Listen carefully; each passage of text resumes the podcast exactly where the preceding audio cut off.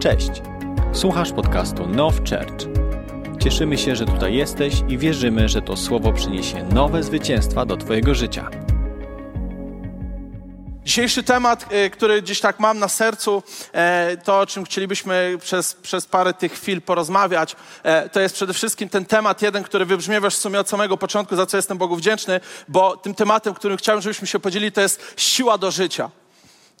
To jest na temat właśnie w jaki sposób, gdzie, gdzie wiele rzeczy się może nie układa nam, gdzie jest wiele trudności, gdzie jest wiele zmagań, gdzie jest wiele tych przeciwności, które przychodzą do naszego życia, skąd wziąć dzisiaj siłę, aby nie tylko wytrwać, ale zwyciężyć. Wiesz, bo jesteśmy kościołem wiary, amen? Jesteśmy kościołem, którzy wierzą w Boga, którzy wierzą w Jego zwycięstwo i wierzą w to, że Bóg ma odpowiedź. Ale niestety, pewnie nie u was, ale w swoim życiu znajduję nieraz te momenty, gdzie brak tej siły do tego, aby oczekiwać na to zwycięstwo. Że nieraz brak tej siły, aby, wiecie, kiedy w niedzielę jesteśmy tacy uniesieni, oczekujemy tych Bożych przełomów, ale już jeszcze w poniedziałek jakoś dajemy radę, ale już w ten, w, tą, w, ten, w ten wtorek, w tą środę, już gdzieś ta siła ucieka. Nie wiedząc czemu.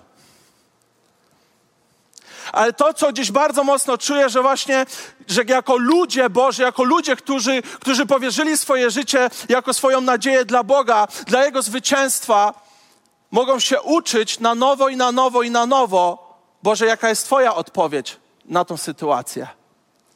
Bo nie wiem jak Ty i nie wiem, czy Ty w ogóle się zmagasz, ale ja się zmagam e, nie raz. Nieraz są problemy, nieraz są sytuacje różne, nieraz wychodzą yy, ciekawe scenariusze. I jeśli jest jeszcze jedna osoba, to będzie nas dwójka, nie musimy podnosić rąk, ale jeśli jesteś ty i ja, a reszta to herosi wiary, to mamy Słowo Boże. Słuchajcie, mamy Słowo Boże, które zawsze jest odpowiedzią na miejsce człowieka, w którym się znajduje. Mamy Słowo Boże, które pokazuje nam, że nie, nie, jesteśmy tylko my tacy dziwni, którzy sobie nie radzą. Nie jesteśmy tylko my sami, którzy mają problemy, ale Słowo Boże pokazuje, że są ludzie, którzy mieli zmagania, ale zwyciężyli. A to mi pokazuje, że skoro można zwyciężyć, to chcę tego samego zwycięstwa dla siebie samego. Dla mojej rodziny, dla mojej relacji, dla miejsca, którego Bóg mnie dzisiaj powołuje. Więc będziemy dzisiaj mówić o sile do tego, aby zwyciężać. Będziemy mówić o sile, do miejsca, w którym właśnie może masz zmaganie. Może jest problem jakiś w Twoim życiu, może są relacje się walą, może finansowo jest po prostu total, totalna kreska. Z miesiąca na miesiąc próbujesz pożyczać, żeby załatać dziurę, ale się okazuje, że ta dziura się coraz powiększa.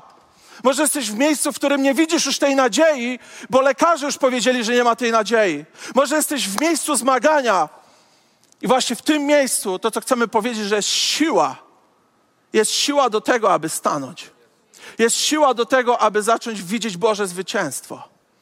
Jest siła do tego, aby zacząć widzieć Boga tak, jak On widzi tą sytuację i to, jak On widzi Ciebie w tej sytuacji.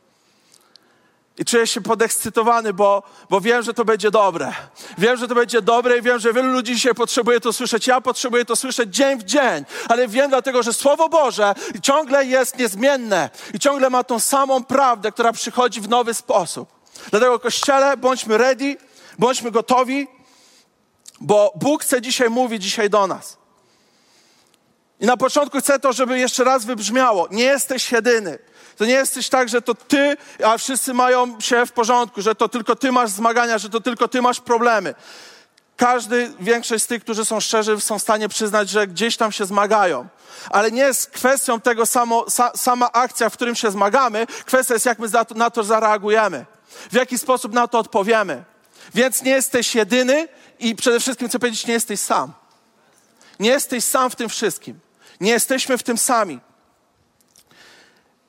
I kiedy mówiliśmy o tym, że właśnie Słowo Boże nam pokazuje to bardzo mocno, e, o tych bohaterach wiary, którzy pomimo pewnych zmagań, pomimo pewnych trudności, pomimo tej presji, która jest dookoła nich, zwyciężyli, okazali Boże zwycięstwo i zachowali tą wiarę. E, I pierwszą z takich osób jest Abraham. Ktoś kojarzy, słyszał o Abrahamie? Dobrze, to wam nie będę czytał wszystkiego. E, przeczytam tylko pewien fragment z listu do Rzymian, czwarty rozdział od 16 do 21 wersetu. To jest moment, w którym Apostoł Paweł opisuje właśnie na temat ojca wiary, na temat tego, w jaki sposób on był w stanie być tym ojcem wiary e, i mówił na temat sytuacji, w której Abraham był, że mając ponad 100 lat, miał obietnicę, że będzie miał potomstwo jak te gwiazdy. Miał tą obietnicę, ale jeszcze nie widział. I apostoł Paweł opisuje, dlaczego się nie zachwiał. Dlaczego nie zachwiał się, stojąc wytrwale w powołaniu i w Bożym powołaniu tego, co Bóg powiedział nad jego życiem. I w liście, w liście do Rzymian, w czwartym rozdziale, szesnasty werset, możemy przeczytać tak. Tak więc dziedzictwo jest z wiary, aby było z łaski. I żeby obietnica była niewzruszona dla całego potomstwa, nie tylko dla tego, który opiera się na prawie, ale i dla tego, który jest z wiary Abrahama, który jest ojcem nas wszystkich. Jak jest napisano, napisane, ustanowiłem Cię ojcem wielu narodów przed Bogiem, któremu uwierzył, który ożywia umarłych i, i przywołuje te rzeczy, których nie ma, tak jakby były. On to wbrew nadziei, mając nadzieję, uwierzył, że stanie się ojcem wielu narodów według tego, co mu powiedziano. Takie będzie Twoje potomstwo. A nie będąc słabym w wierze, nie zważał na swoje już obumarłe ciało. Zatrzymam się na sekundę, bo jest ciekawa rzecz. Apostoł Paweł mówi, a nie będąc słabym w wierze, nie zważał na swoje obumarłe ciało. To oznacza, że kiedy jestem słaby w wierze, to patrzę na to, co jest naturalne. To jest już pierwsza rzecz, która jest bardzo ważna. Abraham nie zachwiał się, dlatego że nie patrzył na to, co naturalne, dlatego był mocny w wierze. Jak często dzisiaj w moim życiu operuję wedle, tego, co jest naturalne, a oczekuję ponadnaturalnych rezultatów.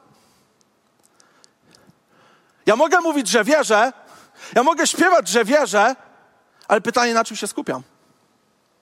Więc Abraham tutaj, apostoł Paweł mówi, że Abraham, będąc niesłabym w wierze, nie patrzył na to, co naturalne, nie patrzył na to, na te okoliczności, które są, nie patrzył na swoje ciało, nie patrzył na swoją żonę, nie patrzył na nic innego, jak tylko na jedyną nadzieję, która potrzebował, potrzebował w tamtym momencie. Możemy przeczytać tak. A nie będąc słabym w wierze, nie zważał na swoje już obumarłe ciało, bo miał około stu lat, ani na obumarłe łono Sary i nie zachwiał się z powodu niewiary w obietnicę Boga, ale umocnił się wiarą i oddał chwałę Bogu, będąc, będąc też pewien tego, że to, co on obiecał, ma moc też uczynić. Więc wbrew nadziei uwierzył nadziei, którą widział. Wbrew nadziei tego, co się dzieje dookoła mnie, mam inną nadzieję, którą możesz często nie widzieć. Ludzie dookoła ciebie mogą nie widzieć Twojej nadziei, której się trzymasz, jeśli chodzi o Twoją rodzinę, jeśli chodzi o Twoją sytuację finansową, jeśli chodzi o Twoje zdrowie, jeśli chodzi o wszystko dookoła, co się dzieje. Ludzie mogą często nie widzieć nadziei, bo nie będą patrzeć na Twoje ciało, będą patrzeć na to, co naturalne. Ale to, na co ja chcę dzisiaj, na co chcę zwracać uwagę, to na to, co może oni nie dostrzegają, ale to, co widzę. A to, co widzę, to nadzieję, którą sam Pan Bóg dzisiaj mówi do mojego życia. Więc inne pytanie musimy sobie dzisiaj zadać. Co dzisiaj słyszę? Jak bardzo to przynosi nadzieję do mojego życia z tego, co Bóg mówi? Bo to, że Abraham zwyciężył i okazał się sprawiedliwym, to tylko dlatego, że miał słowo. A to słowo, które przyszło do niego, przyniosło siłę, aby wytrwać przyniosło siłę do tego, aby wytrwać w miejscu wiary. Miał słowo obietnicy. I to pokazuje, że to wystarczy. To wystarczy, jeśli zaufam, a będę mocny i będę miał siłę. Widzisz, zbyt często, zbyt często poddajemy się, mówię to o sobie, zbyt często poddaję się dlatego że nie widzę, dlatego że nie czuję, dlatego że to wydaje się zbyt dalekie. I jakoś nie ma wtedy tej mocnej wiary, ale jest tak, to wy zadziałajcie za mnie, to wy się pomódźcie za mnie, to ja was potrzebuję. Ale przychodzi moment w naszym życiu, w którym to, co widzę, jest silniejsze, to, co jest u niego, aniżeli to, co widzę tutaj. I to jest moment wiary, w którym ty rośniesz w sile. I wejdziesz do miejsca, w którym ludzie nie będą rozumieli, skąd ta siła pochodzi. Ale ty będziesz wiedział i czuł i widział Boga, który ma obietnicę. Boga, który ma marzenia. Boga, który ma marzenia dla Twojego życia. Mogę zadać trudne pytanie? Kiedy ostatni raz marzyłeś z Bogiem? Kiedy ostatni raz pozwoliłeś Bogu, aby dawał Jego marzenia w Twoje serce? Niestety często możemy być w takim miejscu, że nie mamy sił w ogóle przeżyć kolejnego dnia, a co dopiero mówić o marzeniach. Wiem o czym byłem, bo byłem w tym miejscu. W miejscu, w którym nawet nie miałem sił, aby pomyśleć o jutrzejszym dniu, a co ty mówisz o jakichś marzeniach. Widzisz, ale wierzę w to, że to marzenia z Bogiem pociągają nas do życia. To marzenia z Bogiem, które On daje Tobie, pociąga Cię do miejsca siły, aby walczyć o swoje miejsce, w którym jesteś. Dlatego tak bardzo to czuję, że jest moment dla wielu z nas, aby stanąć w miejscu siły i walki o swoje marzenia, które Bóg chce realizować przez Twoje życie. Wiesz, to nie jest coachingowa mowa, to nie jest samorealizacja się w swoich marzeniach. Nie, tu chodzi o realizację Bożych marzeń przez człowieka. Aby być gotowym na to, aby odpowiedzieć na Boże marzenia i wizje i sny tego, co On chce czynić. A żeby mógł to czynić, to On to ja potrzebuję stanąć w sile, miejscu, w którym jestem, która rodzi się z miejsca zaufania i ufności w to, co On mówi. Więc wbrew nadziei, uwierzył nadziei, która płynęła z tego, co Bóg powiedział, z tego słowa, które Bóg mu dał. Kolejną osobą, dzisiaj trochę historii będzie, ale chciałbym, żebyśmy taki na tym fundamencie stanęli. Właśnie miejsca, że nie jesteśmy jedyni, ale są ludzie, którzy zmagają się i pokazują nam, w jaki sposób dzisiaj moje życie może być życiem zwycięskim i jak ja dzisiaj mogę doświadczać siły, pomimo tego, że nie mam logicznych powodów. Wiecie, chrześcijaństwo polega na tym, że nie poszukujemy logicznych powodów do tego, by mieć siłę, ale poszukujemy Bożej wiary, która przynosi podniesienie. A to jest ponadnaturalne. A to jest ponadnaturalne. Wielu z nas jest w miejscu, w którym po ludzku już nie ma nadziei, ale wierzę w ponadnaturalne, bo jeśli mam mieć nadzieję i radość, to musi być cud. To musi być cud. Bo po ludzku nie ma jak. Ale Bóg jest Bogiem cudów. Kaleb i Ozue. To jest historia, wierzę, że znana. Jeśli nie, to kiedyś przyjdzie czas, że ją rozbudujemy całą. E, ale wiesz, że znana, jest to historia, w którym Bóg powiedział do Mojżesza, wyślij, e, wyślij e, takich szpiegów, wyślij ludzi e, na to, żeby wyszpiegowali ziemię obiecaną, którą wam daję. To jest, wiecie, moment, w którym są przed ziemią obiecaną e, i Bóg mówi do Mojżesza, wyślij dwunastu. Więc wysłał dwunastu, wracają z raportem i niestety są ludzie, którzy mogą widzieć pewne rzeczy, które są rzeczywistością, ale mogą interpretować to inaczej. I tak się zdarzyło, że dziesięciu zinterpretowało to, że to jest na klęskę i porażkę, dwójka tak nie zinterpretowała. Więc jest ogólnie problem, bo wiesz, wyszedłeś z Egiptu, z niewoli, pod, po, po, to, żeby zdobyć ziemię obiecaną, a nagle się okazuje, że ta ziemia obiecana jest bardzo straszna, ciężka i nie, zdoby, nie do zdobycia. Więc jest pewna, pewna presja, pewne napięcie, pewne okoliczności, które są niezbyt przyjemne. I w Księdze Liczb, Liczb, 14 rozdziale, od 1 do 9 wersetu, to jest moment, w którym właśnie się dzieje ten cały popłoch. I wtedy całe zgromadzenie podniosło donośny lament. I lud płakał tej nocy. I wszyscy synowie Izraela Izraela szemrali przeciwko Mojżeszowi i Aaronowi. I całe zgromadzenie mówiło do nich, obyśmy pomarli w ziemi Egiptu albo na tej pustyni. Po co Pan prowadzi nas do tej ziemi? Abyśmy padli od miecza? Aby nasze żony i dzieci stały się łupem? Czy nie lepiej nam wrócić do Egiptu? I mówili między sobą, ustanówmy sobie wodza i wróćmy do Egiptu. Wtedy Mojżesz i Aaron upadli na twarz przed całym zgromadzeniem synów Izraela, a Jozue, syn Nuna i Kaleb, syn Jefunego, którzy byli wśród tych, co wyszpiegowali ziemię, rozdarli swoje szaty i powiedzieli do całego zgromadzenia synów Izraela: Ziemia, przez którą przeszliśmy, aby ją wyszpiegować, jest ziemią bardzo dobrą. Jeśli Pan upodoba nas sobie, to wprowadzi nas do tej ziemi i dają nam tę ziemię, która opływa mlekiem i miodem Tylko nie buntujcie się przeciwko Panu, ani nie bójcie się ludu tej ziemi, bo będą naszym chlebem. Ich obrona odwróciła się od nich, a Pan jest z nami. Nie bójcie się ich. Co my tu mamy? Mamy moment, w którym dwójka odważnych ludzi inaczej interpretuje fakty, niż inni ludzie je zinterpretowali. Dochodzi do miejsca, w którym mówią coś szalonego. Wyobraź sobie cały lud. Jesteś, jesteś ty, twój kompan, twoi przywódcy milczą i cały lud, który idzie na ciebie. A ty w sile podnosisz głos. Mówisz, nie bójcie się ich. Nie bójcie się ich, bo jeśli Bóg upodobał nas sobie, to oznacza, że wybrał nas, wybrał lud, swój lud, wybrał, wybrał nas. Jesteśmy Jego narodem. Jesteśmy Jego narodem, to skoro On nas wybrał, to oznacza, że On nas poprowadzi. A skoro On nas poprowadzi, to my zwyciężymy. Więc nie bójcie się. Wiesz, to jest prosta logika dla nas, bo my czytamy to, ale w tamtym momencie to było coś niesamowitego. To był niesamowity pokaz siły i ufności i wiary w to, że to, co Bóg powiedział raz, wystarczy mi.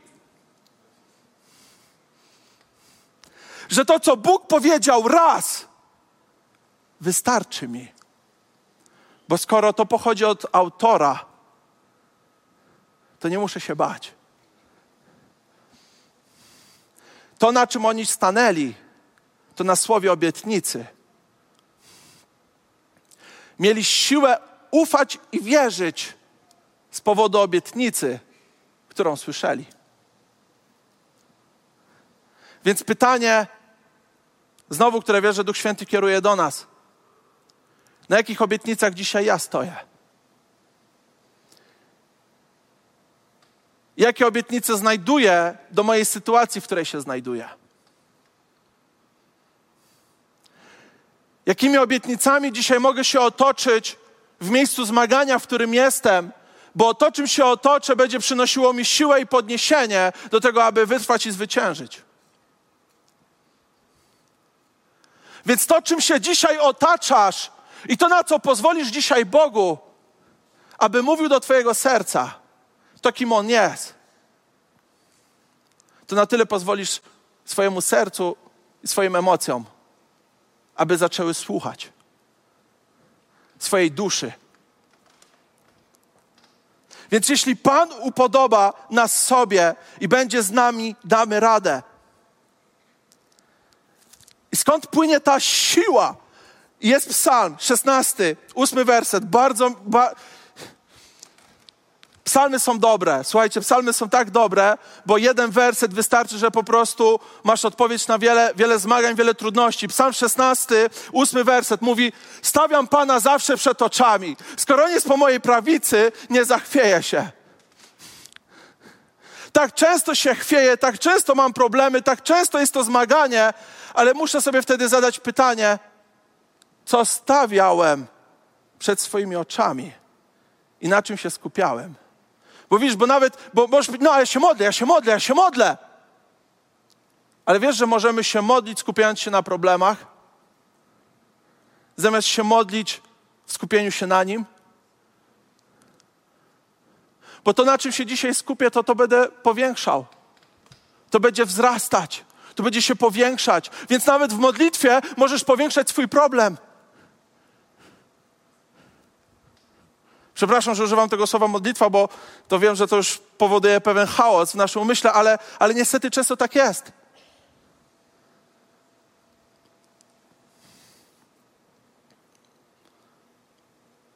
Więc siła dzisiaj płynie z miejsca ufności w to, kim jestem w Nim.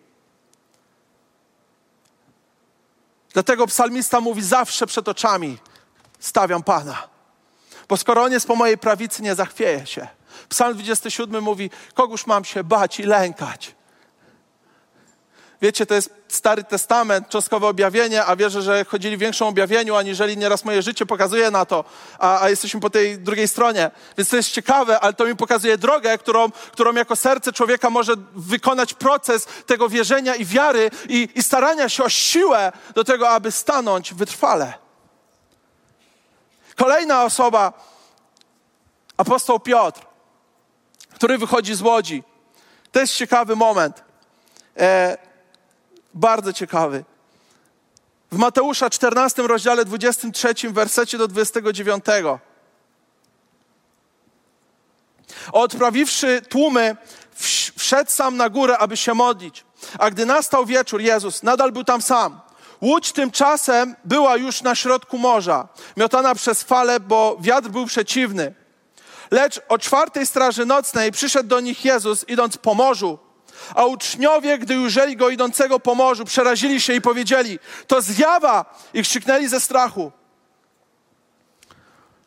Ale Jezus zaraz do nich powiedział: Ufajcie, to ja jestem.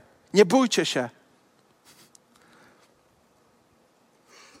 Piotr odezwał się do niego: Panie, jeśli to jesteś ty, każ mi przyjść do siebie po wodzie. A on powiedział: Przyjdź. I Piotr, wyszedłszy z łodzi, szedł po wodzie, aby przyjść do Jezusa. To jest tak szalona rzecz. Nie wiem, czy słyszeliście kogoś wcześniej, kto chodził po wodzie. Ty słyszał wcześniej yy, niż w historii biblijnej? No, no nie, no, jesteśmy teraz po faktach, więc, więc to jest ciekawe. Ale Piotr nie znał nikogo. On nie wiedział nawet, że tak można. On nie wiedział nawet, czy to jest biblijne. Widział znaki i cuda, widział wszystko, co jest niesamowite, ale chodzeniu po wodzie, po wodzie jeszcze nie widział. I piękna, piękny obraz. Jest panika, są w łodzi, uczniowie. Jezus chodzi po wodzie. Strach, zjawa. Jezus mówi: Ufajcie, nie bójcie się, to ja jestem. A Piotr idzie w zakład z Bogiem. Boże, jeśli to Ty jesteś, to każ mi przyjść do Ciebie po wodzie.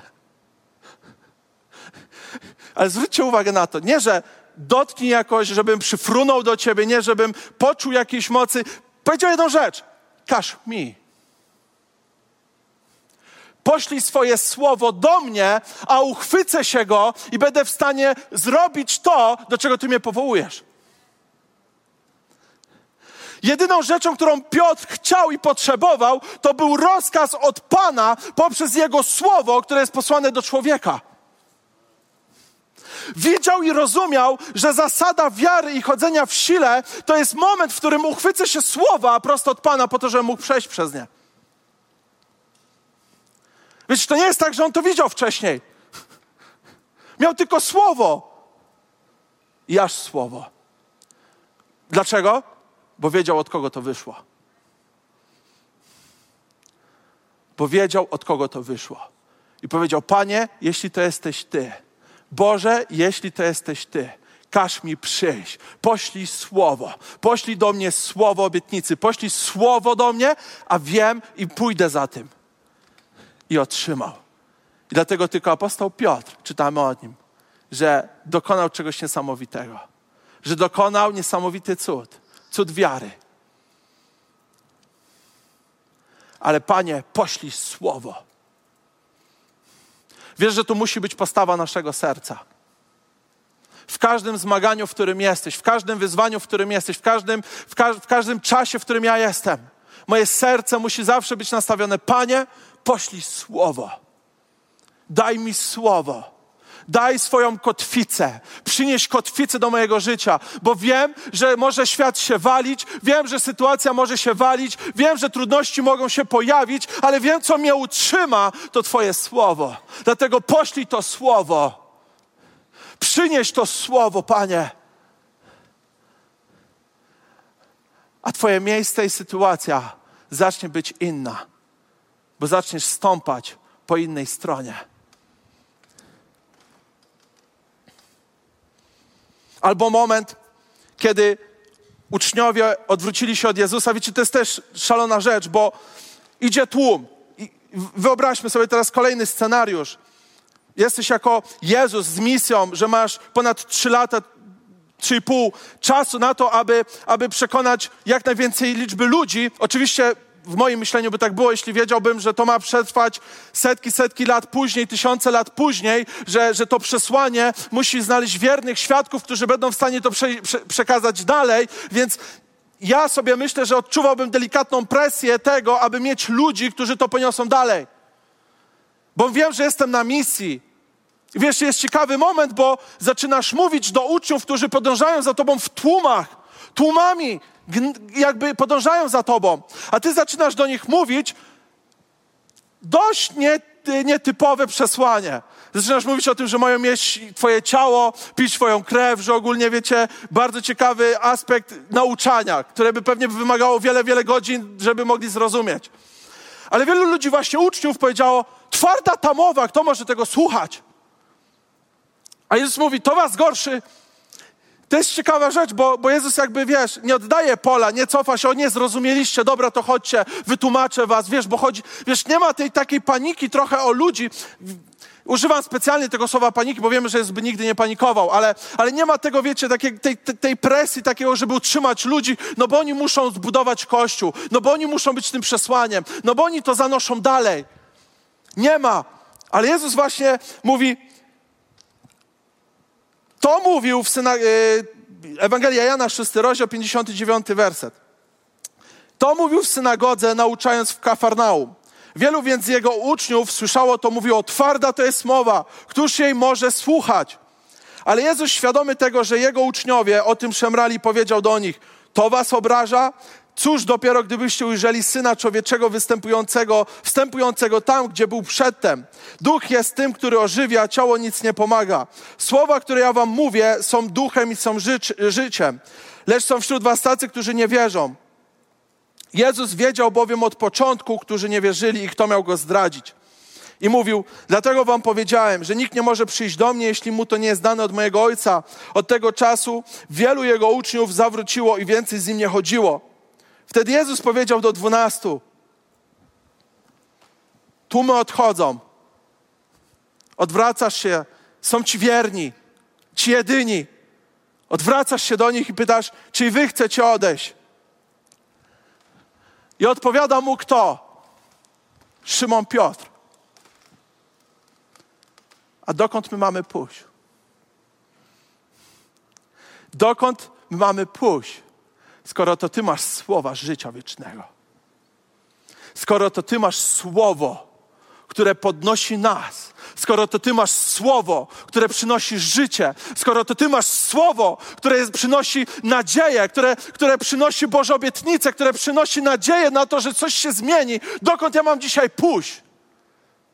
To jest potężny statement, bo to pokazuje nam rolę i wagę zrozumienia, w jaki sposób dzisiaj moje życie musi polegać. Polegać na tym, że dokąd mam dzisiaj indziej pójść, za kim mam dzisiaj biegać, gdzie mam dzisiaj uciec z moją nadzieją, skoro to tylko Ty, Boże, masz słowo, które może przynieść rozwiązanie. Skoro to Ty masz słowo, które jest w stanie przynieść nadzieję, skoro to Ty masz słowo, które jest w stanie przynieść mi siły do tego, aby wierzyć. Dokąd mam dzisiaj pójść? I chcę tutaj coś dodać bardzo mniej kontrowersyjnego, ale powiem to. To samo tyczy się, jeśli chodzi o, o to, co cię bardziej karmi. Dobre jest słuchać, wiecie, żebyśmy zrozumieli, dobrze słuchać dużo kazań. Ale to, co chcę powiedzieć, to karmić cię musi Bóg personalnie. Zbyt łatwo dzisiaj budować swoje życie w oparciu na to, co słyszę, aniżeli to, co widzę przed moim ojcem. Z mojego życia, które krótkiego, ale w wielu wyzwaniach, wiecie, byłem na bieżąco z wieloma nauczaniami, słuchałem, karmiłem się, budowało mnie, to, to było dobre, ale zauważyłem, że w miejscu zmagania tak naprawdę to, co słyszałem, było super, ale przynosiło siłę, wiarę i nadzieję, tylko to, co sam zobaczyłem z Bogiem. Więc, więc my musimy być w miejscu, w którym niezależnie od tego wszystkiego, co się dzieje dookoła nas, muszę być w miejscu gotowości, a powiedzieć, dokąd indziej mam pójść, skoro wiem, że tylko u Ojca mam to. Skoro u Ojca to mam. Słowo, które przynosi nadzieję.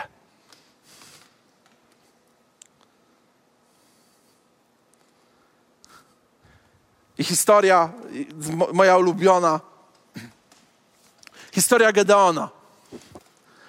Wiecie, ja o Gedeonie słyszałem bardzo wiele, bo to jest bardzo popularna e, e, przesłanie, popularna historia w kontekście e, zjazdów młodzieżowych, wiesz, bo to dużo mówi o chłopaku, który nie postrzega siebie tak, jak Bóg go postrzega, patrzy siebie jako ten najmniejszy, najmłodszy, a Bóg widzi w niego męża walecznego. Wiecie, to jest dobre przesłanie. Nie patrz na to, jak ty patrzysz na siebie, ale zacznij patrzeć, jak Bóg patrzy na ciebie. Bardzo potężne. I, i wiesz, kiedy zaczynasz czytać właśnie w Księdze Sędziów, ja tak mam przynajmniej, to już, już mam scenariusz wszystkiego, co ma się wydarzyć. Macie tak nieraz, że czytasz historię, no już wiesz, co zaraz będzie i tak no czytasz, no czytasz. Ale ja byłem zaskoczony, bo Bóg mi pokazał coś, czego nigdy wcześniej nie widziałem. I pewnie może nie będzie odkryciem, ale dla mnie było, więc nie wiem, czy to znaczy, że mało czytam historię o Gedeonie, czy nie, ale było bardzo mocne przesłanie dla mnie. Bo,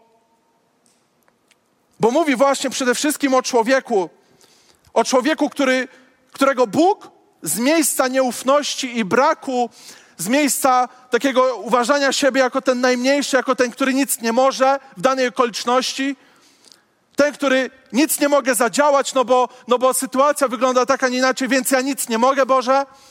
Bóg z takiego człowieka zmienia go w człowieka wiary, nadziei i tego, który wykonuje Boże powołanie i misję. Wiesz, to jest ciekawa rzecz.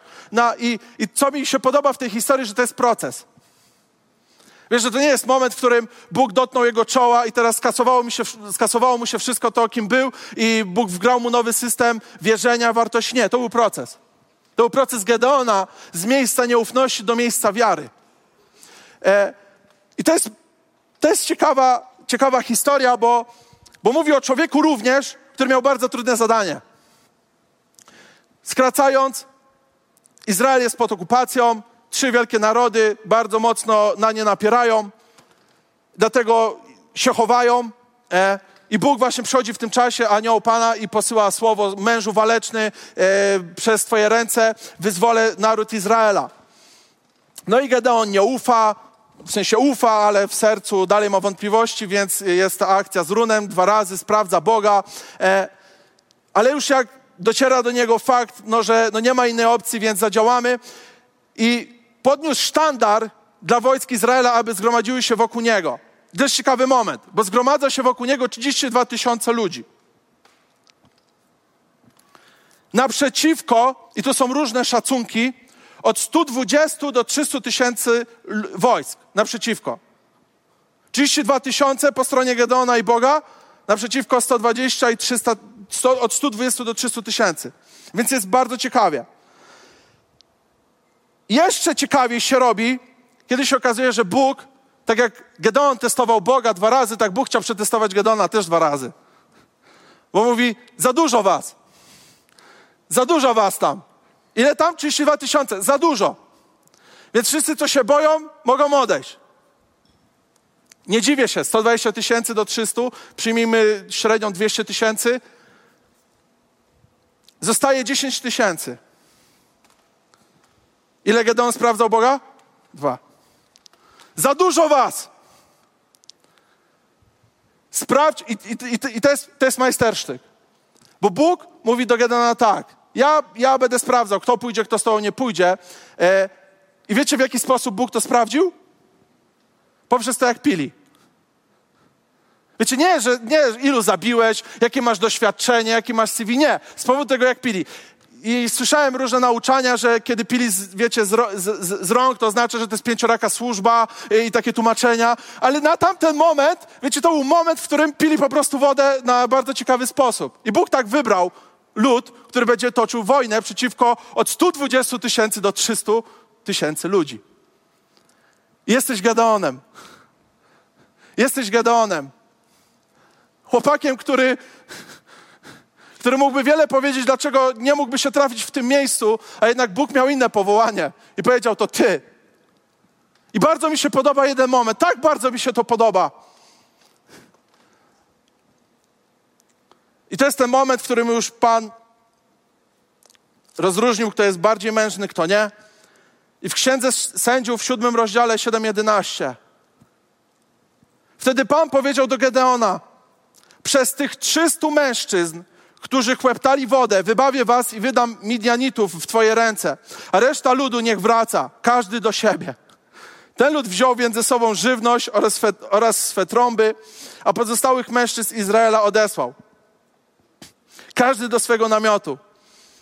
i zatrzymał tylko 300 mężczyzn, a obóz Midnianitów był poniżej w dolinie. Tej nocy Pan powiedział do niego: Wstań, zejdź do obozu, bo wydałem go w Twoje ręce. Jak wielu z nas dzisiaj wie, że ma powołanie, wie, że ma zadanie, wie, że ma wiele rzeczy do zrobienia, wie o tym, o tym, że Bóg będzie chciał coś czynić, wie o tym, że, że są wiele zadań, jest wiele trudności, ale wiesz o tym, że Bóg Cię powołuje. Ale jak często jesteśmy w miejscu strachu? I ta historia tak bardzo pokazuje pięknie obraz Ojca, Boga, bo mamy Boga, który wie o naszych słabościach. Bo mówi do Gedeona tak. A jeśli boisz się iść, zejdź do obozu, bo wydałem go w Twoje ręce. E, aha, i teraz. A jeśli boisz się iść, zejdź do obozu z purą swoim sługom i usłyszysz, co będą mówić, a potem Twoje ręce wzmocnią się aby wyruszyć na obóz.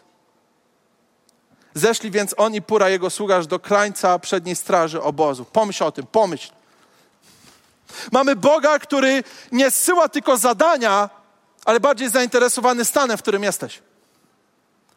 Bo pomimo wielkiego zadania mówi tak, ale jeśli byś się bał, to mam odpowiedź na to miejsce. A jeśli się boisz, co jest dla mnie zrozumiałe, kiedy tak sobie myślę, że jakby Bóg kierował tak słowo, a jeśli się boisz, to, to mam zrozumienie, że możesz się bać.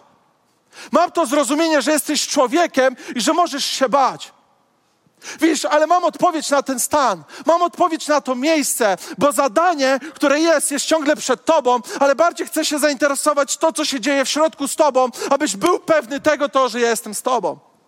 Dlatego jeśli się boisz, zejdź, bo mam odpowiedź dla ciebie. A jeśli się boisz, to mam odpowiedź dla ciebie. Jeśli jesteś w miejscu zmagania, chcę ci powiedzieć, Bóg ma odpowiedź dla ciebie. Jeśli jesteś w miejscu strachu, niepewności, chcę ci powiedzieć, Bóg ma odpowiedź dla ciebie. Jeśli jesteś w miejscu, w którym nie wiesz, co zrobić, czujesz się sparaliżowany, czujesz, jak ten strach przychodzi, chcę ci odpowiedzieć jedną rzecz. Bóg ma odpowiedź. Bóg ma odpowiedź. Wiecie, jaką odpowiedź dał Gedeonowi? Potwierdzenie swojego słowa. Potwierdzenie swojego słowa, bo czytamy w dwunastym wersecie, a Midianici i Amalekici oraz cały lud ze wschodu leżeli w dolinie, liczni jak szarancza, a ich wielbłądów było bez liku, jak niezliczony jest piasek na morskim brzegu. Gdy Gedeon tam przyszedł, pewien człowiek opo opowiadał swoim towarzy swemu towarzyszowi sen. Oto miałem sen – Bochen chleba jęczmiennego wtoczył się do obozu Midianitów. Dotarł aż do namiotu i uderzył w niego, aż upadł. I wywrócił go dołem do góry i zapadł się namiot. Jego towarzysz odpowiedział, to nic innego, jak tylko miecz Gedeona, syna Joasza, męża Izraela. Bóg wydał w jego ręce Midianitów i cały obóz. A gdy Gedeon usłyszał opowiadanie o tym śnie i jego wytłumaczenie, podziękował Bogu a gdy wrócił do obozu Izraela, powiedział: Wstańcie, gdyż Pan dał wasze ręce obóz Midianitów. To jest bardzo ciekawe. Bo Bóg, widząc stan człowieka, widząc stan Gedeona, dał mu jedyną rzecz, jaką on by potrzebował w danym momencie: potwierdzenie swojego słowa, które się ma wypełnić. Więc to, co Gedeon w miejscu strachu, lęku i niepewności otrzymał, to słowo o Pana które się wypełnia w jego uszach. I czytamy, co spowodowało to słowo, że jego ręce się wzmocniły do walki. Wiesz, w momencie, kiedy słyszysz słowo wiary, zaczyna przychodzić wzmocnienie do ciebie. Nagle zaczynasz czuć, myśleć i funkcjonować inaczej. Kiedy przychodzi słowo wiary, nagle twoje, twoje ręce w tym, w tym zrozumieniu nagle doświadczają pokrzepienia a ręce obrazują pracę. Więc rozumiesz, nagle masz ten zapał, aby wierzyć i ufać, że Bóg dokona czegoś niesamowitego. Ale poprzez co? Poprzez miejsce, w którym przychodzi przez słowo. Słowo wzmocnienia. Wiecie, jak się kończy historia? I to jest to, co, czym Bóg mnie bardzo zaskoczył tą historią. Już nie będziemy czytać, ale z miejsca chłopaka niepewnego, który, który patrzył o sobie jako ten, który nic nie może, jako ten, który jest najmłodszy, jako ten, który, któremu nic się może nie uda, do miejsca, w którym bierze wszystkich 300 i mówi: róbcie tak. weźcie dzbany, podzielimy was na trzy grupy. I będziecie rozbijać dzbany i będziecie krzyczeć jedno zdanie. Miecz Boga i Gedeona. Z miejsca niepewności o to, co on może sam zrobić, dochodzi do miejsca wiary i ufności w to, co Pan jest w stanie uczynić przez niego, że nawet mówi o tym, aby krzyczeć jego imię. To oznacza być pewnym tego, co Bóg chce uczynić przez Twoje ręce. To oznacza, że jeśli, jeśli chwytasz się na 120 tysięcy obóz, który poległ tamtego dnia, jeśli chwytasz się grupą 300 osób i jesteś i masz dwa wyjścia, albo umrzecie śmiercią szybką, naturalną, albo zwyciężycie. A kiedy przychodzi moment zwycięstwa, to krzyczysz do nich, będziecie krzyczeć moje imię i Boga, jako miecz zwycięstwa, Boga i Gedeona.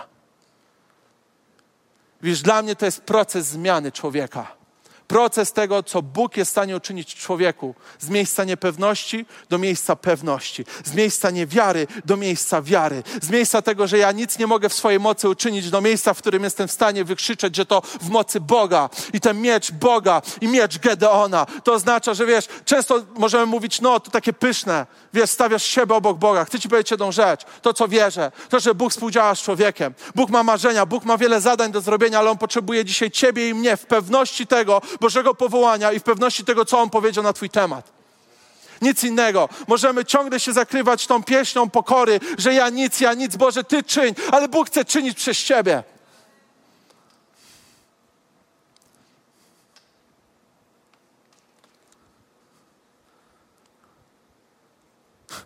Trzysta osobowa armia na 120 osób, a ten krzyczy miecz Boga i Gedeona. Jak wiele musi się w nas zmienić. Jak wiele ja dzisiaj potrzebuję, aby Bóg wykonał pracy we mnie. Aby być w stanie takiego miejsca, w którym jestem w stanie powiedzieć tak, Boże zwycięstwo. I w księdze Izajasza, dzisiaj trochę wersetów, ale chciałbym, żebyśmy stawali na tym, na, na, na tym fundamencie tych, tych fragmentów, bo, bo wiesz, że coś jest ważnego, coś jest ważnego w tym przesłaniu, w kontekście, że wielu ludzi może zawieść, sytuacje mogą zawieść, e, Możesz być w sytuacji niezrozumienia, możesz być w miejscu trudności. Ale jest jedyna rzecz dana nam, która nigdy nie zawiedzie. To jest słowo od Boga. To jest to, co odbierzesz od Boga. I wierzę, że to jest bardzo ważne, żebyśmy jako Kościół jakby funkcjonowali w tym fundamencie. Wiele innych rzeczy współdziała do naszego wzrostowi. Ludzie współdziałają do tego, ale twoim, moim, moim zdaniem najważniejszym fundamentem jest dojść do miejsca, w którym wiem, co Słowo od Boga dzisiaj mówi na miejsce i sezon, w którym jestem. Dlatego w księdze Izajasza w 55 rozdziale czytamy coś niesamowitego.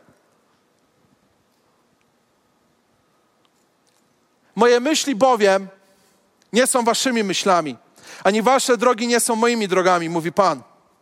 Ale jak niebiosa są wyższe niż ziemia, tak moje drogi przewyższają wasze drogi, a moje myśli to nie wasze myśli. Czyli moje drogi przewyższają wasze drogi, a moje myśli przewyższają wasze myśli. Myślę, że możemy się zgodzić, że Bóg chce pokazać nam coś bardzo tu mocno, pewną rzecz. Że Jego myśli to nie nasze myśli. Jego sposób myślenia, patrzenia to często nie nasz sposób myślenia i patrzenia. Ale On nigdy nie chce, żeby tak zostało do końca. Często używa się tego fragmentu jako taki mistycyzm, że jeśli dzieje się coś dziwnego, wiesz, nasze myśli to nie Boże myśli. Ale chcę powiedzieć, że w jaki sposób jesteś w stanie wykonywać Bożą wolę dla swojego życia, jeśli nie wiem, co Bóg myśli. Ale to przede wszystkim pokazuje jedną rzecz. Że moje myśli, muszę być świadomy tego, że mój sposób myślenia, funkcjonowania i patrzenia musi się zmienić na to, aby poddać się pod Jego sposób myślenia, funkcjonowania i patrzenia. Dlaczego? Dlatego, że Jego sposób patrzenia jest lepszy, aniżeli mój sposób patrzenia. A to oznacza, że skoro On inaczej patrzy, to muszę zrobić wszystko, aby zacząć patrzeć tak jak On. I tyczy się to każdego miejsca, w którym jestem. Tyczy się to rodziny, żo mąż, żona, dzieci, rodzice, w pracy, w znajomych, u przyjaciół. Bardzo potężny, potężne zadanie mamy, bo nie mogę ciągle operować w miejscu, w którym myślę i patrzę i mam nadzieję, że Bóg tak samo patrzy i myśli, ale muszę się zrównać z Nim po to, aby myśleć i patrzeć tak, jak On myśli i patrzy. Bo tak jak patrzysz i widzisz, tak będziesz funkcjonował. Dlatego ten werset jest bardzo ważny i patrzcie, co idzie dalej. Bo jak spada deszcz i śnieg, to mamy kontynuację, bo jak spada deszcz i śnieg, z nieba już tam nie wraca, ale nawadnia ziemię i czyni ją płodną, czyni ją też urodzajną, tak, że wydaje siewcy nasienia, chleb jedzącemu. Tak będzie z moim słowem, które wyjdzie z moich ust. Nie wróci do mnie na próżno, ale uczyni to, co mi się podoba i poszczęści mu się w tym, do czego je poślę. Tak będzie z moim słowem. Nie wróci do mnie puste, nie wróci do mnie bezowocne, ale wykona pracę i uczyni to, z czym je posłałem. I to jest bardzo kontrowersyjne pytanie, jakie mam. Czy zawsze słowo wykonuje w nas pracę?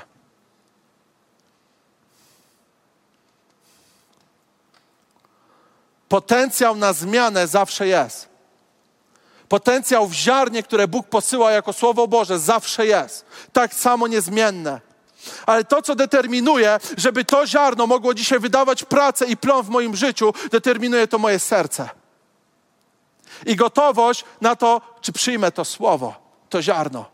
Więc widzisz, możesz być w miejscu, w którym słyszysz wiele słowa, ale niewiele z tego słowa jest w tobie.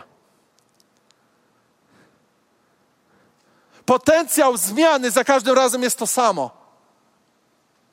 Ale zmiana zachodzi różnie, bo jesteśmy różnymi ludźmi. Jesteśmy w różnym miejscu, jesteśmy w różnym stadium życia, jesteśmy w różnych sezonach. Ale to, co chcę powiedzieć, bardzo ważną rzecz, i to wszystko budowało do tego, aby, abyśmy stanęli przy tym miejscu. Widzisz, to, co przychodzi siła, to przychodzi w miejscu z tego, co Bóg mówi dzisiaj do mojego życia. Ale często nie widzę tego, aby to słowo pracowało we mnie, dlatego że nie ma we mnie miejsca, ani odpowiednich warunków, ani środowiska na to, aby to słowo mogło wzrastać. Widzisz, czas będzie pomnażał wszystko, co jest w nas. Znowu nie coachingowo, ale Słowo Boże jest trochę takie, bo mówi, zważywszy na wasz czas, powinniście być już nauczycielami. Czyli możemy być, funkcjonować, funkcjonujemy w jednostce czasu, funkcjonujemy, czas ucieka, czas idzie i czas pomnaża. I albo będzie pomnażał wzrost w moim życiu, albo ciągle będę się zastanawiał, czemu stoję w miejscu od paru lat. Przecież chodzę do kościoła, przecież chodzę na konferencję, przecież podnoszę ręce, uwielbiam, ale nic się nie zmienia. Może dlatego, że nasze środowisko wokół tego ziarna jest nieodpowiednie. Może uwarunkowanie naszego serca jest nieodpowiednie do tego, aby dało wzrost temu słowu. I to mi pokazuje bardzo ważną rzecz znowu, że Bóg jest Bogiem procesu. Że za każdym razem, kiedy ja spędzam z nim czas i on posyła i zasiewa te ziarna, to za każdym razem, kiedy widzę ziarno, widzę proces. Proces tego, co Bóg chce uczynić we mnie. Wiesz, bo bardzo łatwo i często mi jest się modlić, Boże, zmień to. Zmień ich. Zmień wszystko, co się dzieje dookoła mnie. Proszę, bo nie oddam rady. A Bóg mówi, chcę zmienić Ciebie abyś zmienił wszystko. Chcę zmienić Ciebie, abyś Ty był w stanie zmienić wszystko. Bo jestem Bogiem procesu.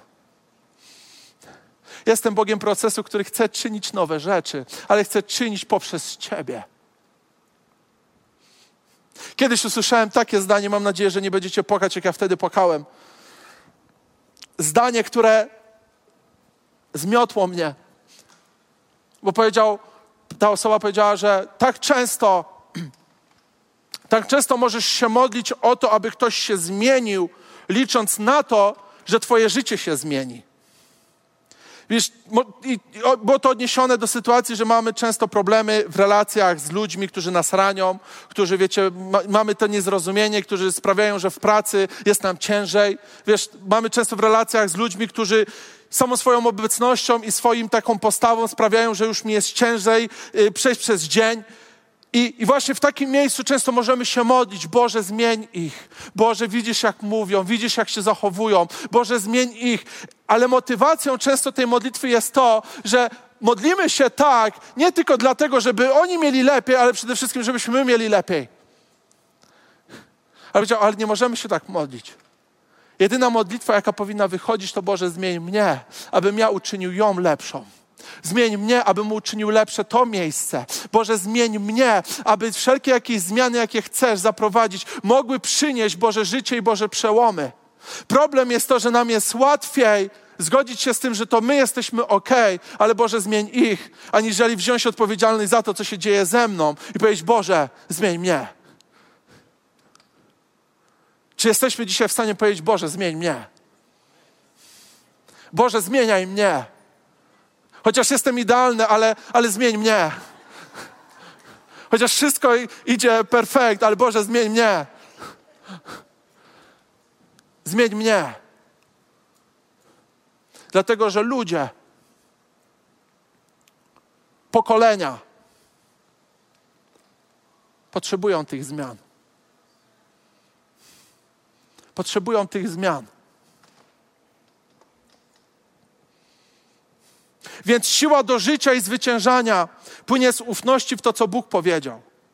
Więc jeśli zaczniemy kształtować w naszym życiu jak najwięcej miejsca na to, aby Bóg mógł mówić do nas, tym więcej rodzi się w nas miejsce na to, aby ufać. I pamiętam moment, szybkie świadectwo, kiedyś opowiadałem, ale to jest, pamiętam to jak wczoraj. Miejsce, w którym stoję tam, przy drzwiach, nie pamiętam czemu, ale tam stałem.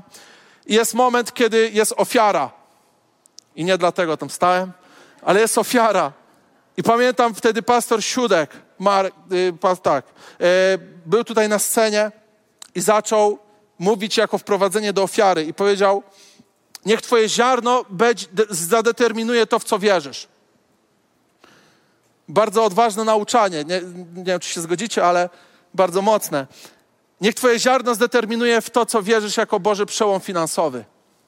A wiecie, byłem w miejscu bardzo trudnym, bo jeśli mówić o finansach, to wedle tego, co liczyłem, nie miałem tych finansów. I tak się ciągnęło, miesiąc, miesiąc, miesiąc, miesiąc, nie było finansów, nic. Co się były, ale uciekały. I zacząłem sobie zadać, Boże, potrzebuję przełomu w tej dziedzinie. I wiecie, stoję tam i słyszę to wszystko i ja to, ja to wiem, słyszałem, wiesz, dużo nauczań yy, i tego wszystkiego, to ty to wiesz. Ale przychodzi moment konfrontacji, że to, co wiesz, czy zaczniesz wierzyć w to, co wiesz. I pamiętam, że wyciągnąłem portfel. I miałem takie, jakoś się ułożyły, że był jeden mniejszy nominał i większy. Więc wziąłem ten mniejszy. A Bóg mówi, określ jak wielki to chcesz mieć przełom. Jak wielki. Więc mówię, okej. Okay zaszalejmy. Wiesz, nikt nie słyszał, nikt nie wiedział, nikt nie, nie rozumiał. Gdybym opowiadał osobom, które zajmują się finansowym doradztwem, by powiedzieli trochę bez sensu ruch, bo nie masz, a i tak wydajesz na coś, co i tak nie będziesz miał. Ale w tym miejscu wiedziałem, co usłyszałem, wiedziałem, co powstało i wiedziałem, że to jest moja jedyna nadzieja i wiara, że jeśli chcę coś zmienić, to muszę zacząć wierzyć. Fajnie by było czekać na to, aż coś się zmieni. Dobrze by było czekać parę lat na to, że może ktoś się uda w mojej rodzinie, że jednak pobłogosławi mnie, że wszystko się zmieni. Dobrze byłoby czekać na to, aż Bóg tak ułoży sytuację, że się wszystko zmieni. Ale był moment, aby zacząć działać. Był moment, kiedy usłyszałem ziarno słowa wiary, że zacznij determinować. To powstała wiara. I kiedy szedłem na to miejsce, Nikt nie byłby w stanie zrozumieć może, nikt nie byłby w stanie powstrzymać mnie, bo ja wiedziałem, dlaczego to robię. Bo wiedziałem, co mam tu, jaka wiara i siła urosła. 24 godziny niecałe później Parę osób przychodzi w ogóle ponadnaturalny sposób. Mówi, słuchaj, jakoś odczułem takie pragnienie, aby Cię pobłogosławić. Odczułem błogosławieństwo, aby Cię pobłogosławić. Odczułem to, żeby pobłogosławić. I Ty, co jest? Ale od razu zaczynasz łączyć ten fakt i mówić, Boże, to jest ten fakt, to jest, to jest ten moment. To jest ten moment siły. Dlaczego i w jaki sposób tak funkcjonować? Nie oznacza, że, że mamy chodzić z dziurą budżetową i oczekiwać za każdym razem. Nie, bo Bóg daje mądrość w zarządzaniu, ale chodzi o to, komu ufasz w takim momencie. Komu ufasz w trudnym momencie, a komu ufasz w dobrym momencie. Nieraz wychodzi na to, że kiedy ma się im więcej, tym trudniej wierzyć. ale to zostawię na później pastorom.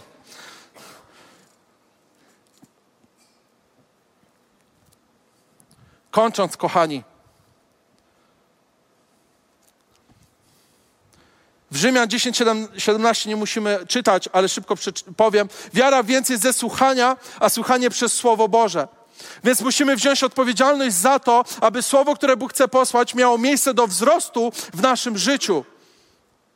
Więc w jaki sposób dzisiaj możesz wziąć kontrolę, wziąć odpowiedzialność za miejsce, w którym jesteś? Są trzy rzeczy, które bardzo szybko chciałbym, abyśmy zanotowali e, i później w domu rozważali. To jest bardzo ważne, abyśmy w praktyczny sposób również mogli to kończyć. Jak, uważam, że to bardzo praktyczne słowo, bo potrzebujesz słowa, aby wziąć od Boga, e, ale są trzy rzeczy, za które wierzę, jako człowiek jesteś w stanie wziąć odpowiedzialność świadomie. Trzy rzeczy. To, nad czym możesz przyjąć kontrolę, aby mieć wpływ na zmiany w swoim życiu, czyli na zmiany, jeśli chodzi o środowisko dookoła ciebie, na zmiany, jeśli chodzi o glebę twojego serca, bo Bóg chce siać słowo za każdym razem, ale pytanie, czy dzisiaj moja gleba jest gotowa, aby przyjąć. Więc są trzy rzeczy, które pomagają nam ustanowić, ustawić siebie w miejscu ufania. Pierwsza rzecz. Ludzie, którzy mówią do nas i którymi jesteśmy otoczeni. Bardzo ważny punkt. Bo ludzie często w miejscu chaosu, chaosu, bólu i smutku, w miejscu, w którym ty właśnie jesteś w takim miejscu, niezrozumienia, w bólu, w miejscu bólu, w miejscu, wiesz, wszechpanującego chaosu, potrzebujesz mieć ludzi, którzy powiedzą wiarę do twojego życia. Potrzebujesz mieć ludzi, którzy zaczną mówić do Twojego życia.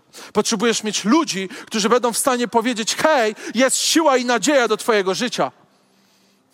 Dlaczego? Dlatego, że moc życia i śmierci jest w języku. I musimy być świadomi, jak go używać. Nie tylko chcę mieć takich ludzi, ale chcę się uczyć, jak stawać się taką osobą.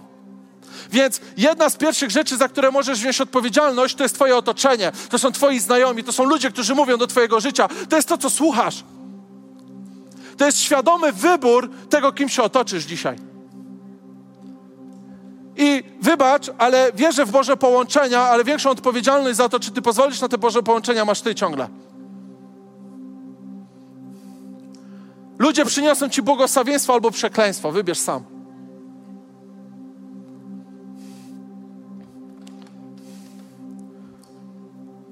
Druga rzecz to jest Twój czas. My oddajemy ten czas Bogu mówimy, Boże, to jest Twój czas, ale to jest Twoja decyzja, czy zrobisz tą decyzję. Mówimy, Boże, to jest Twój czas, ale to Ty czynisz to, że to jest Boga czas. Ale to Ty zmieniasz ze swojego czasu na to, że Boże, to jest Twój czas. I to jest jedna z rzeczy, którą musimy wziąć przede wszystkim odpowiedzialność. To jest za swój czas. Za czas, który mam jak wiele pozwalam Bogu, aby mógł działać w tym czasie. Jak wiele pozwalam Bogu, aby mógł mówić do mojego życia. Problem jest to, że często funkcjonujemy od niedzieli do niedzieli, myśląc, że te dwie, trzy godziny, kiedy oddamy Bogu, to wystarczy. Wystarczy może na pół niedzieli, kiedy jeszcze jesteś we flow i coś tam łapiesz, ale już w poniedziałek, wtorek oddałeś komuś innemu już ten czas. Więc pierwszą rzeczą, jedną z pierwszych rzeczy, którą możesz zrobić świadomie, to jest zadecydować, komu oddajesz czas. Bo nie możemy oczekiwać zmian i wzrostu i tego, że Bóg będzie czynił coś nowego, jeśli my nie żyjemy w sposób, w który pozwalamy Jemu, aby czynić coś nowego. I trzecie, Twoje skupienie. Twoje skupienie i dałem tutaj jeden z takich prostszych sposobów, co pozwala mi skupić się, to jest uwielbienie poprzez dziękczynienie. Uwielbienie poprzez dziękczynienie. I specjalnie dodaję to dziękczynienie, bo można połączyć, że to jest jedno to samo, ale możesz uwielbiać wiele różnych rzeczy. Możesz opisywać to na wiele różnych sposobów, ale dziękczynienie jest ciągle jedno to samo. Podziękujesz Bogu. I to pozwala nam skupić się na dziękczynieniu, czyli na tym, który jest dawcą. Nie tym, który zabiera, ale tym, który daje. Dlatego stąd jest moje dziękczynienie, Boże, że Ty jesteś dawcą. Ty jesteś dawcą. I powiem Wam, to musi być intencjonalne. Ja na przykład mam playlistę, którą nazwałem Poranek. I mam tam bardzo mocno wyselekcjonowane piosenki, które w bardzo konkretny sposób mówią o wierze, mówią o zdrowiu, mówią o życiu, mówią o prosperowaniu, mówią o tym, że wszystko, co będę czynił z Bogiem, powiedzie się i włączam to sobie, wiedząc, że nawet jestem zas zaspany, zmęczony, nic mi się nie chce, dopiero co wstałem, ale jak najszybciej chcę to włączyć, bo chcę mieć skupienie. Chcę się skupić na Bogu. I uwielbienie jest tym momentem, który łączy nas, który wyzwala nas z ciała do miejsca wiary. I wierzę, że wiele jest oczywiście tych czynników, i więc to zostawię już dalej, ale najważniejsze, które co chciałbym z tego miejsca po, po tych paru chwilach, które jesteśmy tu razem, e, abyśmy mogli, mogli zgodzić się w takiej jednej modlitwie, jeśli to jest coś dla Ciebie, bo to jest bardzo ważne dla mnie, dla mojego serca, kiedy się szykowaliśmy e, na ten czas, to to, że czując, że jest wiele zmagań, wiele takich prób, trudu, takiego próby starania, walki, że raz, że to jest siła i nadzieja, którą Bóg dzisiaj chce dać nam, ale przede wszystkim miejsce decyzji o to, że chce zacząć walczyć, o to, aby zacząć marzyć. Aby być w miejscu gotowości do tego, aby marzyć, aby zmienić swoje życie, aby zmienić może swoje otoczenie, aby zmienić może wiele rzeczy, które wymagają zmiany, ale aby doprowadzić się do miejsca wiary o to, że Boże, Ty wiesz najlepiej. Ty wiesz najlepiej. Ty masz słowo życia. Dlatego chciałbym, abyśmy mogli powstać. I w paru chwilach abyśmy razem mogli się pomodlić. I kiedy mówię razem, to, to mam na myśli, że serio razem. Jeśli oczywiście to jest dla Ciebie. Ale to był moment dla Ciebie takiego miejsca, miejsca wiary. I wiem, że możesz się nie czuć na tyle teraz. Ale Gedeon też się nie czuł, kiedy Bóg powiedział do niego poprzez anioła pa, pańskiego, że mężu waleczny. On się nie czuł tak. Ale Bóg nigdy nie mówi do nas z miejsca tego, jak się czujemy, ale mówi zawsze według miejsca tego, jak On patrzy. I największym błogosławieństwem dla nas jest to, aby zgodzić się z tym, co On mówi dzisiaj o mnie. To jest największe błogosławieństwo, jakie dzisiaj możesz mieć. Zgodzić się z Bogiem tym, jak On patrzy. Zgodzić się z Bogiem z tym, jak On mówi. Zgodzić się z Bogiem tym, jak On, to co On powiedział. Dlatego będziemy się godzić z Bogiem. Zgodzimy się z Bogiem, że jestem usprawiedliwiony, że jestem silny, że jest nadzieja i plan i wizja, jaką Bóg ma dzisiaj dla mojego życia. Że są marzenia, które będą powstawać. Są marzenia, które może zostały gdzieś zakopane, ale Bóg chce je na nowo odkopać. Może są różne sytuacje, które są trudne, ale przychodzi miejsce, w którym przychodzi siła. Bóg chce dać dzisiaj siłę poprzez swoje słowo. Halleluja. Dlatego jeśli to jesteś Ty, to teraz zacznijmy Bogu tak dziękować i modlić się, aby to był czas, w którym On może nas prowadzić. Czas decyzji. Drogi Ojcze, ja dziękuję Ci. Ojcze, ja dziękuję Ci za Panie każdą osobę Ojcze, ja dziękuję Ci za każde serce. Duchu Święty, ja dziękuję Ci, Ojcze, że Ty czynisz nową rzecz. Ojcze, że Ty chcesz czynić nową rzecz. Że Ty, Ojcze, chcesz czynić nową rzecz. Że Ty, Ojcze, jesteś Bogiem nowej rzeczy. Ty jesteś Bogiem dawcą. I Ty za każdym razem chcesz dawać i dawać i dawać coraz więcej i więcej nowych rzeczy. Boże, i modlę się teraz. I modlimy się, Ojcze, o ten czas. O to, żebyś to Ty, Ojcze, prowadził każde serce, każde miejsce, w którym jesteśmy, każdy stan, w którym jesteśmy, Ojcze. Ja wierzę, że w każdym miejscu mówisz teraz siła i podniesienie. Panie, tak dziękuję Ci, że w miejsce ciemności Ty ogłaszasz światłość. Tak Psalm 139 mówi, że Ty wchodzisz w ciemne miejsce i ogłaszasz siłę i radość, i ogłaszasz jasność, i ogłaszasz podniesienie. Tak my to ogłaszamy w imieniu Jezus. Ogłaszamy to od każdą z osób, Ojcze, na tym miejscu, którzy potrzebują tego. Którzy potrzebują tego, Panie. W tym momencie, w tym momencie, w tym momencie, Ojcze. Oh, Jesus.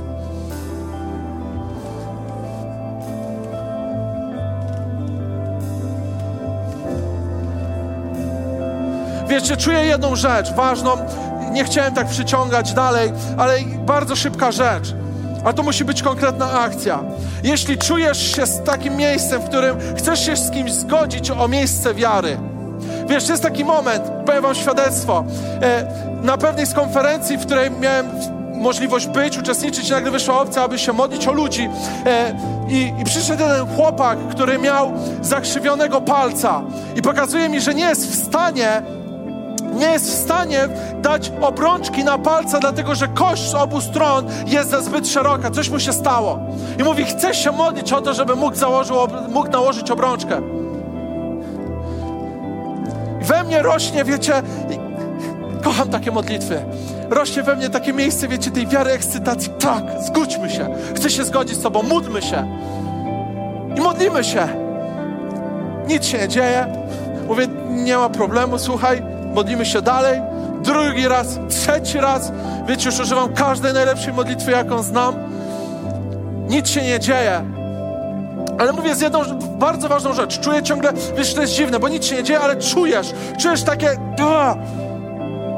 Słuchaj, zgódźmy się i powiedziałem jedną rzecz. Zgódźmy się z jedną rzeczą. Zgódźmy się z wiarą.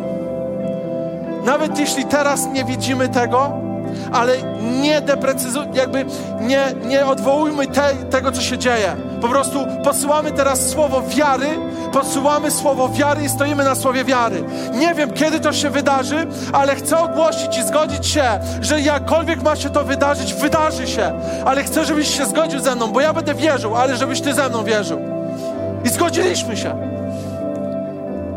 Nic się nie wydarzyło. Tydzień później, dwa tygodnie, this is our time robię jakieś tam rzeczy. E, do auta wchodziłem wtedy i nagle jeden chłopak mnie zaczepia i pokazuje tak. Macha mi ręką przed oczami.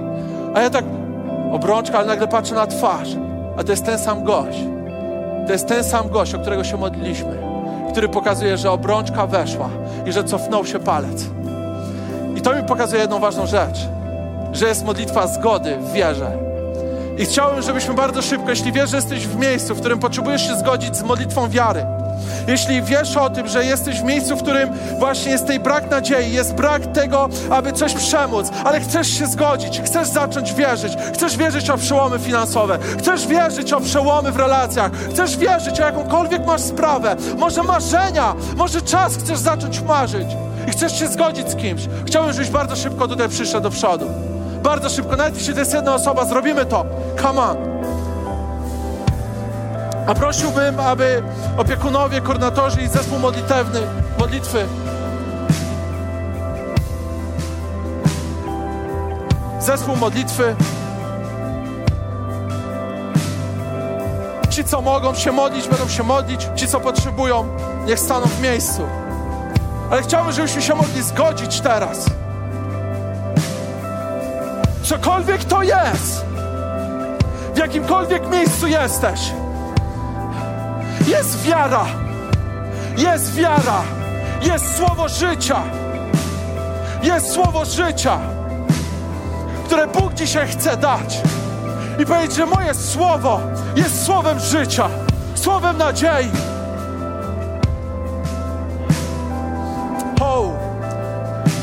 A cały Kościół możemy się modlić teraz wyciągnąć nasze prawe dłonie.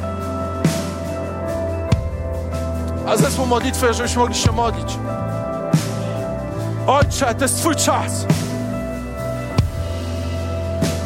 Przychodzi siła, Ojcze. My chcemy w Twojej sile, Ojcze. W Twojej sile, tato. Potrzebujemy Twojej nadziei, Ojcze.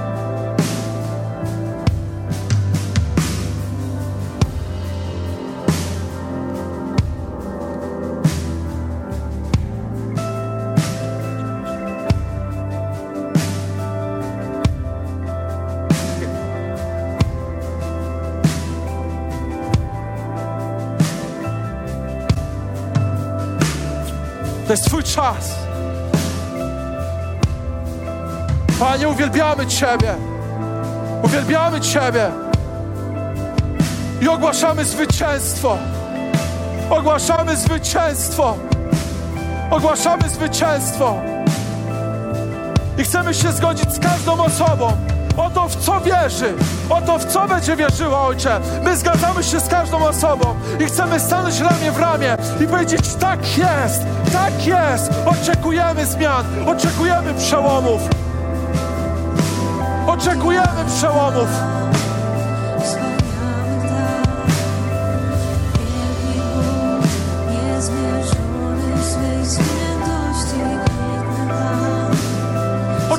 Dar, wielki Bóg,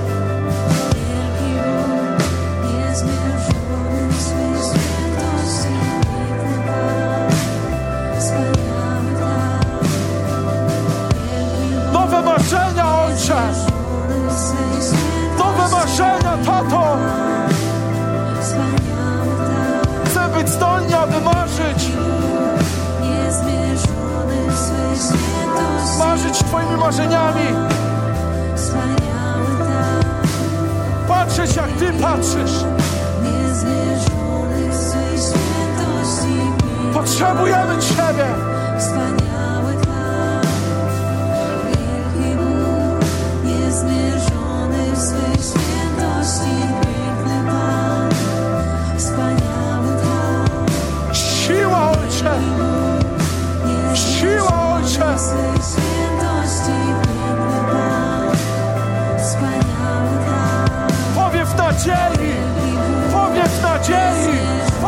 Nadziei.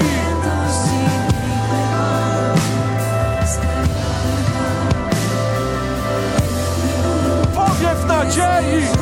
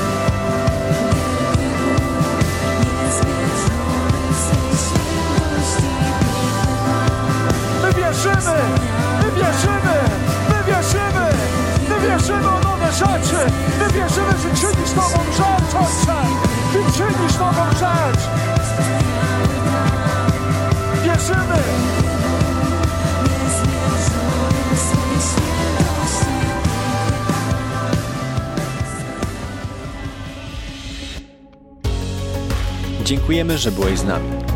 Jeśli chcesz dowiedzieć się więcej o naszych działaniach lub nas wesprzeć, zapraszamy Cię na www.nationsonfire.org ukośnik nowchurch.